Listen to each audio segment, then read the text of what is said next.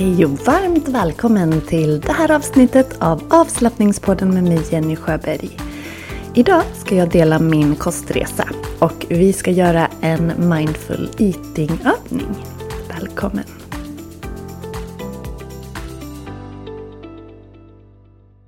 Hej! Jag hoppas att du mår riktigt fantastiskt bra när du lyssnar på det här avsnittet idag. Och jag vill än en gång tacka dig. Tacka dig för att du är här, för att du lyssnar. Trots att jag har sådana otroliga svårigheter att få avsnitten på de dagar jag har som mål att släppa dem på. Den här veckan blev inte som alla andra veckor. Jag har eh, jobbat måndag, tisdag, onsdag som vanligt på skoljobbet. Plus att jag sen måndag, tisdag, onsdag och torsdag på kvällen hade en timmes eh, workshop. Alltså en timme per kväll. Och två av de dagarna hade jag också yogapass på kvällen. Så att alltså min poddinspelningstid, den fanns inte. Och jag har tänkt så många gånger så här, ja ah, men ska jag förinspela? Men nej, vet du, jag vill att det ska kännas så här live. Jag vill att du ska känna att när du lyssnar på det här så är det liksom nu. Om du inte lyssnar på, på tidigare inspelade avsnitt såklart. Men om du lyssnar när ett avsnitt släpps så vill jag att du ska känna att du och jag liksom är connectade. Vi, vi är nästan samtidigt i tid. Så, eh, och, och jag lyssnar på jätte, jättemycket poddar. Och jag vet jag vet hur man kan längta till en dag för man vet att en podd släpps. Och det, jag, jag har verkligen som ambition att komma dit.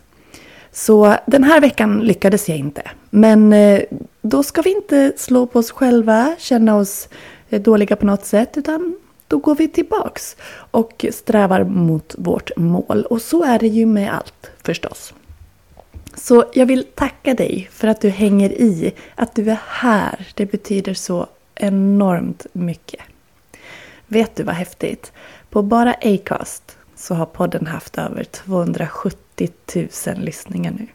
Det är jätte, jätteroligt. Tack vare dig. Så tusen tack. Jag fick önskemål om att prata kost i eh, podden. Jag har gått och tänkt på det jättemycket.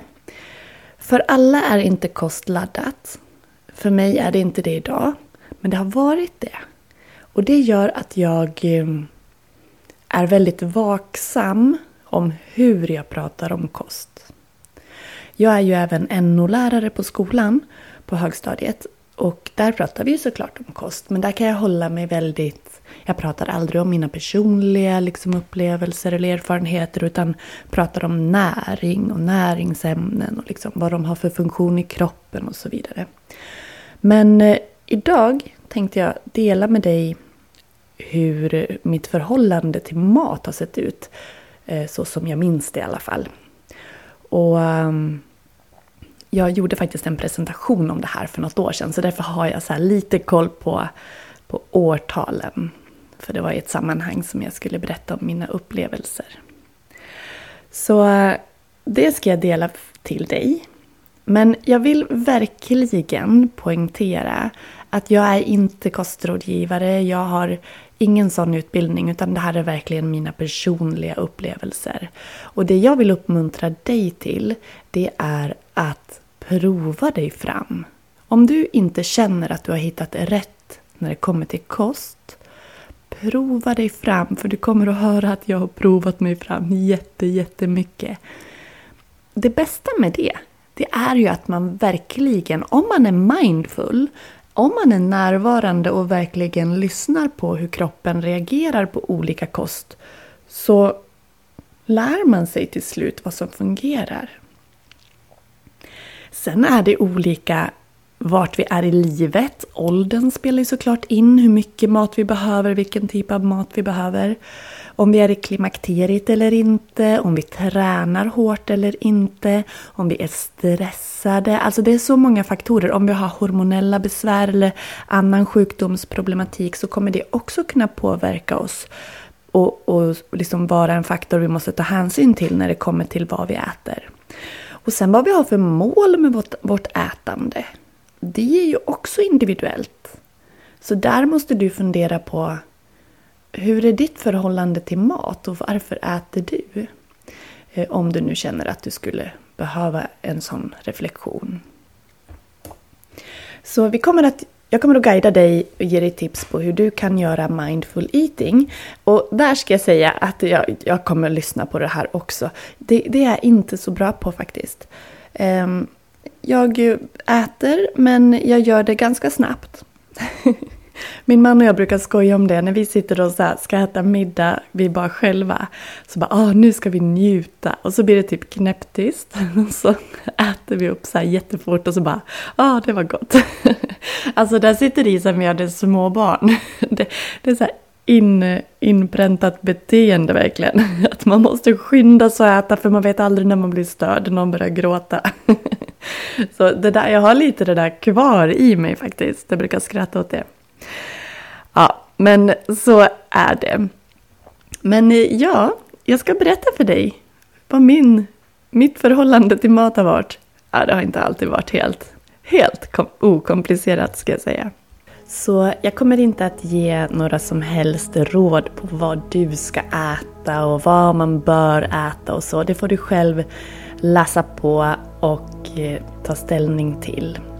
Vi vet att vi behöver näringsämnen för att kroppen ska ha byggstenar och eh, för att vi ska få energi. Men eh, jag går inte in där idag, utan jag ska berätta om mitt förhållande till mat. Ja, det är nämligen så här att eh, jag har haft en ätstörning. Jag, eh, man, jag var aldrig liksom eh, diagnostiserad men jag brukar säga ätstörning men det var åt anorexihållet. Och det här var i min, mina yngre 20, års, 20 år. Efter gymnasiet så for jag till Island och jobbade där ett år. Det var fantastiskt. Jag tränade hästar och bodde på en gård där de hade som ett gårdshotell. Så jag fick göra frukost till gästerna. Det var mycket svenska gäster, tyska gäster och så vidare. Engelsktalande gäster och så vidare. Men det var jätte, jätteroligt. Jag älskade det där året. Jag fick lära känna mig själv på nytt. Jag fick också uppleva hur det är att vara ensam i ett sammanhang. Ja, de var fantastiska de jag bodde hos men i och med att man inte hade språket helt och att man inte hade sina eh, vänner och ja, såklart fick jag vänner där men det, det är någonting jag kommer att bära med mig för evigt. Den där känslan av vad en tillhörighet är viktig. Men hur som helst, Ehm, I stallet, i sadelkammaren, där hade vi ett fikarum också. Där fanns det alltid kex, jordnötssmör och sylt. Så det åt man ganska flitigt. Det var mycket fika, mycket sötsaker som bjöds. Och ehm, ja, jag gick upp väldigt mycket i vikt under, den här, under det här året. Och det var ingenting som störde mig, något jag tänkte på särskilt. Men sen när det var dags att åka hem så började jag tänka på det eh, av någon anledning och började promenera ganska mycket. Något de tyckte var väldigt festligt på Island för det är ju väldigt öppet, ett platt landskap och jag gick på en väg och man såg långt, långt, långt bort. Och jag gick och sen vände jag och så gick jag tillbaks här i Sverige kan man ju gå stigar och det är liksom lite slingrig slokigt sådär. Det finns ju det också men där jag bodde var det väldigt öppet och platt. Så de tyckte det var så lustigt att jag bara gick rakt fram och sen vände och gick tillbaks. Bara jag höll på med liksom. Men ja, hur som haver, jag gjorde det. Så jag gick väldigt mycket och eh, tappade i vikt. Slutade äta sötsaker. Ehm, och det var liksom inget mer med det än att jag liksom undvek socker. Och märkte ju att det gav eh, effekt på vikten. Sen kom jag hem och fortsatte liksom att tappa i vikt och fick väldigt mycket uppmuntran av andra kring att jag Åh, vad jag, jag har blivit så smal, jag har blivit... Ja. Och det där, det vart som triggers för mig. Det vart som världens finaste beröm i min hjärna. När någon kommenterade min vikt, då fick jag en kick. Och varje gång jag såg att vågen hade gått ner så fick jag en kick. Så jag vägde mig flera, flera gånger om dagen. Och eh, promenerade och det vart ju till slut så att jag liksom inte kunde äta något utan att gå. Och ja, det här höll i sig mellan ja, 2002 och 2008 ungefär. Där är vi och pratar. Jag åt väldigt kol, mycket kolhydratsbaserade, så jag undvek fett. Väldigt mycket under den här perioden. Mycket magra produkter, light-produkter. Och ja, jag mådde ju inte särskilt bra heller under den här perioden. För jag var mager, jag är 1,76 ungefär och jag vägde jag tycker egentligen inte om att prata siffror så, men jag vill berätta bara så att ni ska få perspektiv på. Jag vägde typ så 48 eller något som, som minst. Och det är jätte, jättelite, det är katastrof. Men hur som helst. Eh, jag eh, fortsatte med de här långa promenaderna. Jag hade fruktansvärt eh, mycket koll på vad jag åt. Och eh, om vi ska prata om mitt humör så hade jag ett fruktansvärt svajigt blodsocker. Jag fick ilskeutbrott, jag var mager, jag var orkeslös. Jag orkade knappt ta en promenad. Jag hade ingen mens och ja, alltså det var...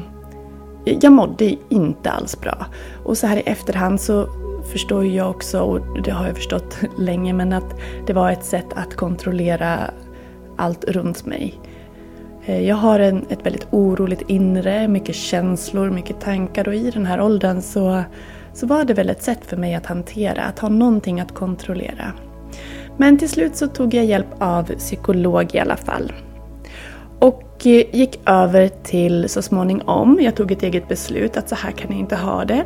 Så jag gick över till att prova eh, paleo, stenålderskost, mellan ungefär 2008 och 2012. Och här ska noteras att jag var väldigt nitisk med att om jag har valt, om jag har bestämt mig för att jag ska äta så här så äter jag så här. Och det var ju också ett sätt att hålla kontroll. Det blev också, med tanke på min ätstörda hjärna, att säga till mig själv och till andra att jag äter paleo. Jag äter kött och fisk och fågel, ägg och bönor, nötter, fröer, grönsaker och så vidare. Det är det jag äter och så väljer jag bort det andra.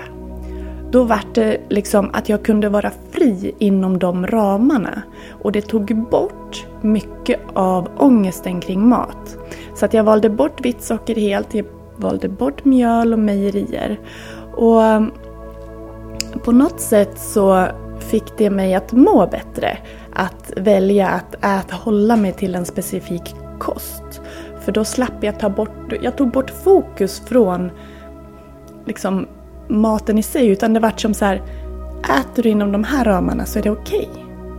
Så um, det vart eh, bättre för mig.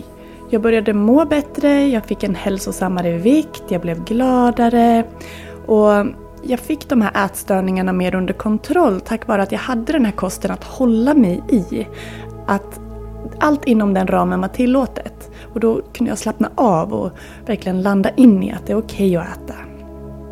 Och under den här perioden, då rök vågen. Jag kastade praktiskt taget ut vågen och sen dess, sen 2012 typ, så har jag inte haft en båg.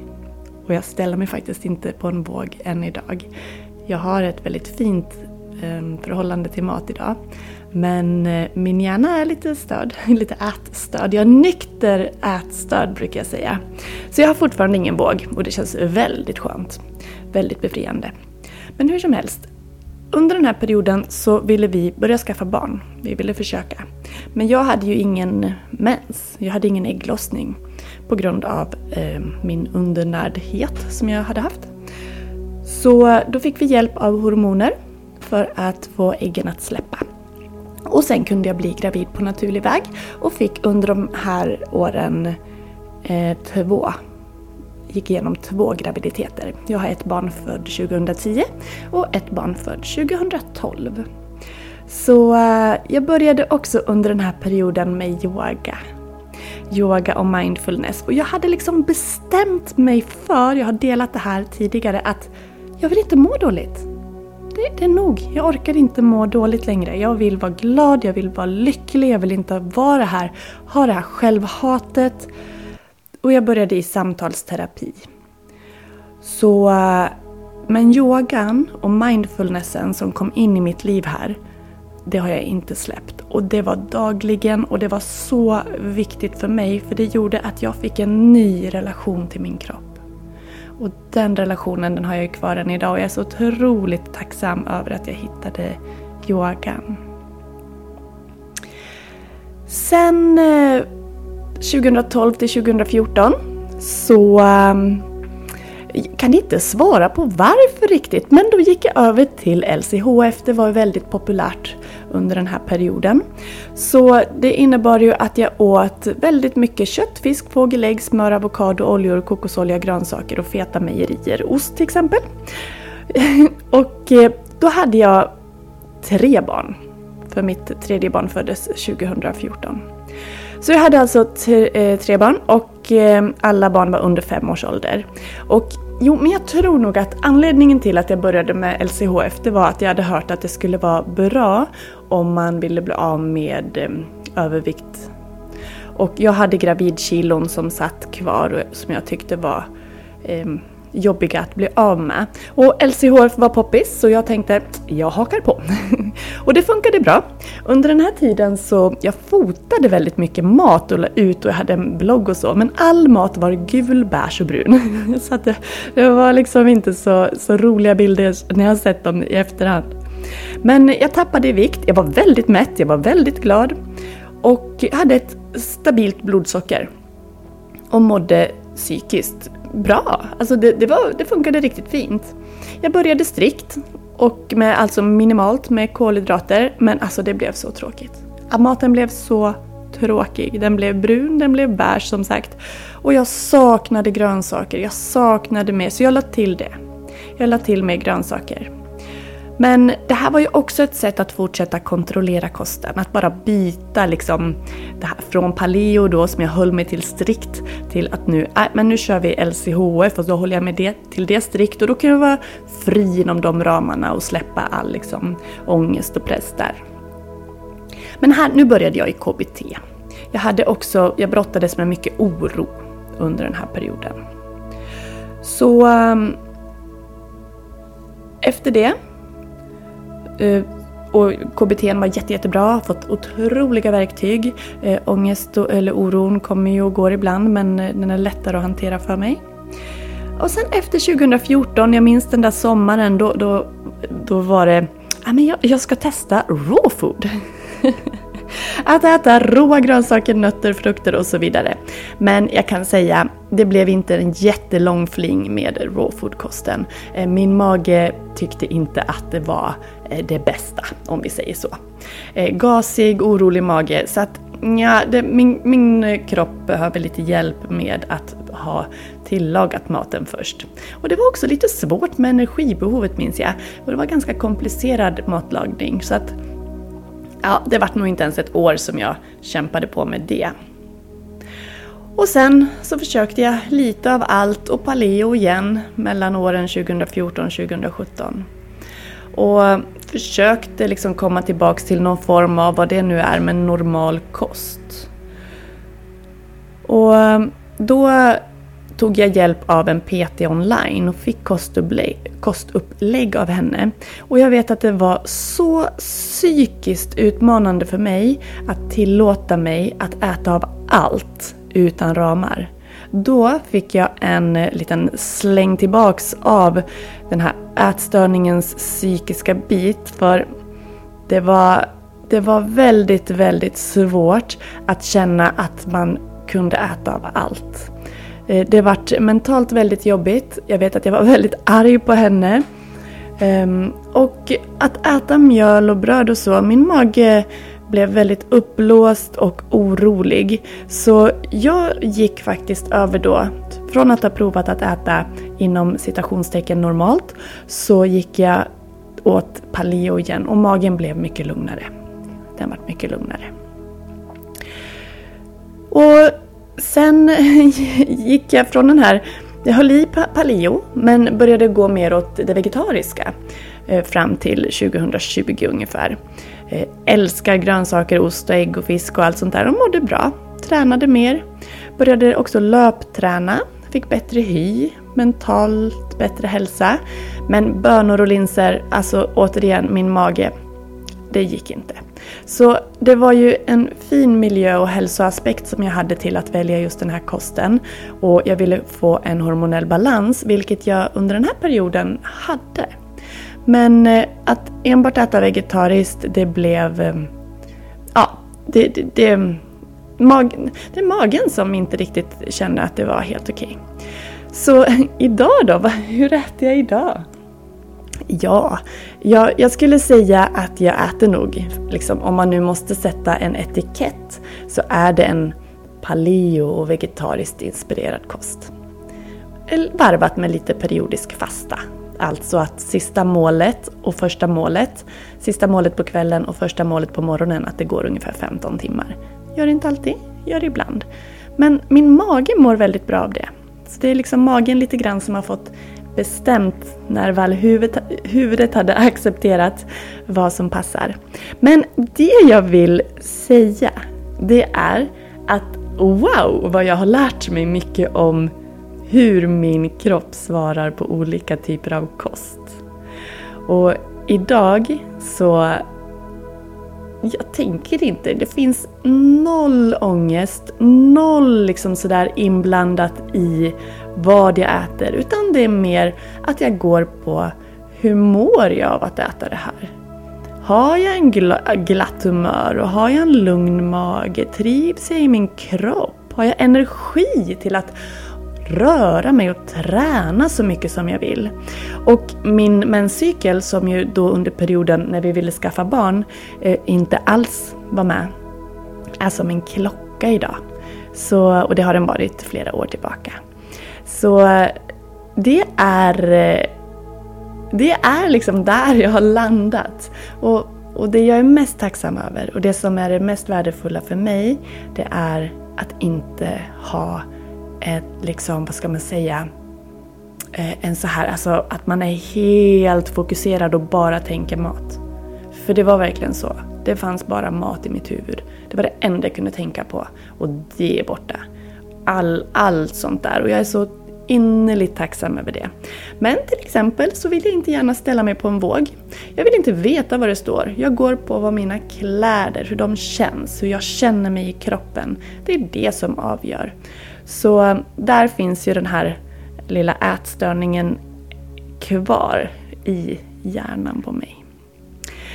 Ja, jag vet inte hur, hur din relation till mat är och hur du kände att lyssna på min resa och min historia. Men våga prova och lyssna på kroppen. Jag tänker att det är viktigt att lära känna sin kropp. Och att se att mat och mat är energi och njutning. Att vi uppskattar oss själva och maten. Så eh, gör det som får dig att må bra tänker jag. Det är det absolut viktigaste. Och har man trasslat in sig i någon form av ätstörning, jag vill påstå att det är verkligen en intrassling, så ta hjälp. Sök hjälp. Det finns så otroligt mycket fina tekniker och verktyg att ta till. Och om någon tänker så här, om jag tänker på kalorier? No. Ingenting. Aldrig. Jag går, jag går, bara på att se till att jag får i mig av alla näringsämnen. Det är något jag också liksom pratar regelbundet med barnen om. Om de äter någonting så här, men lägg till lite, ta ett ägg så du får lite proteiner till eller ta en morot så du får lite, ja sådär. Så ehm, känslan i kroppen, det är det som jag går på. Så eh, med det sagt så ska vi ta oss till en eh, mindfulnessövning. Och du kan göra den här som en meditation och tänka dig att du gör de här stegen. Och så kan du praktisera dem när du äter nästa mål kanske. Så vi ska börja. Och ta ett andetag in. Och sucka iväg. Mm, och tillåt axlarna att sjunka och landa där du är. Jag ska ge dig lite tips på vad du kan använda för tekniker när du äter. För att verkligen vara fullt närvarande i din ätupplevelse. Men också för att kunna fokusera på de sensationer, tankar och känslor som kanske uppstår när du äter. Så målet med mindful eating det är just att få en hälsosammare och mer balanserad relation till mat. Genom att vara mer medveten och göra medveten när du äter och göra medvetna val när du väljer vad du ska äta. Så några nyckelprinciper här som du kan gå efter. Så närvaro i nuet. Mindful eating handlar om att vara fullt närvarande i stunden medan du äter. Att du, du kanske blundar när du äter för att verkligen kunna känna smaken. Känna konsistensen, doften. Men också hur det känns i kroppen när du sväljer och dricker. Så full närvaro.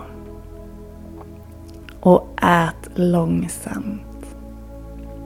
Sakta ner ättempot för att verkligen kunna smaka på och njuta av maten. Det gör att du kommer att uppleva smakerna och konsistenserna mer. Plus att du hinner känna när du är mätt. Ta bort distraktioner. Stäng av TV, telefon och skapa en lugn ätmiljö. Så undvik att göra flera saker medan du äter. För det kan göra att vi bara äter utan att tänka på att vi äter och äter liksom mer än vi kanske behöver. Och träna in att lyssna på hunger och mättnadssignaler och känslor. Ät när du är hungrig, sluta när du är nöjd. Försök att inte äta av stress eller oro till exempel. Lättare sagt än gjort, jag vet. Men att försöka vara uppmärksam på att okej, okay, varför äter jag nu? Och att inte döma. Om du märker att du känsloäter, ja, men döm inte det. Acceptera, notera, bekräfta att okej, okay, nu gör jag så här. För att bli medveten om det och kanske då också kunna göra ett annat val om du skulle behöva och vilja det. Och träna bort att ha negativa tankar om dig själv och maten. De tankar och känslor som kommer, omfamna dem. Ta hand om dem. Utan kritik, utan dömande. Lära oss att vara snälla med oss själva, vad vi tänker, vad vi känner. För att kunna få en mindre laddad relation till maten om vi har det. Och uppskatta det du äter. Tänk var den har kommit ifrån, hur den är tillagad, hur den är odlad, skördad, producerad, vad det nu är. All den energi och ansträngning som någon eller några har lagt ner för att den ska nå dig och vad du har gjort med den innan du börjar äta. Och är det så att du känner att du har tendenser till att överäta så kanske du kan välja mindre tallrikar för att få känslan av att du har en full tallrik, mindre bestick. Och när du tuggar maten, njut av varje tugga. Alltså jag känner ju alla de här punkterna vi har gått igenom, jag behöver ju typ, jag, jag måste ju träna på alla. Hur känner du? njut av varje tugga. Det underlättar matsmältningen om du verkligen har tuggat maten. Då slipper du bli så gasig. Till exempel, eller få ont i magen. Och Det är inte heller helt fel att ta en liten paus mellan tuggorna för att verkligen känna efter. Är jag mer hungrig eller är jag mätt? Och vart du nu än är i din ätresa, i din matresa, så tänk på att det tar tid. Kanske har du en jättefin relation till mat idag. Gläd dig åt det. Visa tacksamhet. Uppskatta maten och, och hur det är i relation till dig. Och är det så att du inte har en god relation till maten idag, träna dig på de här stegen. Att vara mer mindful, närvarande, tacksam och ha en självmedkänsla med dig själv. Som sagt, mindful eating är en färdighet och det tar tid. Men tränar du så kommer du att nå dit du vill.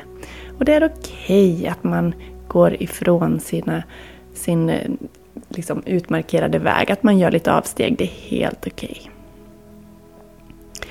Så jag önskar dig lycka till med din mindful eating och eh, tackar dig från hjärtat för att du har varit med mig och oss andra i podden idag. Nu kan du anmäla dig till en workshop som handlar om yin-yoga. Är du nyfiken på hur yin-yoga kan hjälpa dig att hitta mer balans i kropp och sinne, bli av med spänningar, sova bättre, få lugnare mage, mer energi? Då ska du anmäla dig till den här gratisworkshopen som är den 20 september klockan 7 på kvällen, en onsdag. Kan du inte vara med live så spelas den in. Veckan efter har vi sen en kurs i yin-yoga där du kommer att få färdiga program, färdiga pass. Så att du kommer att just kunna jobba på din matsmältning, din energi och så vidare. Men eh, du kan läsa mer på kurser.yogajenny.se eller anmäla dig via länken i profilen i poddens beskrivning ska jag säga. Och är du på Instagram och kikar så är det i profilen. Så tackar jag dig för att du har varit med och önskar dig en fantastiskt fin fortsatt dag. Hejdå!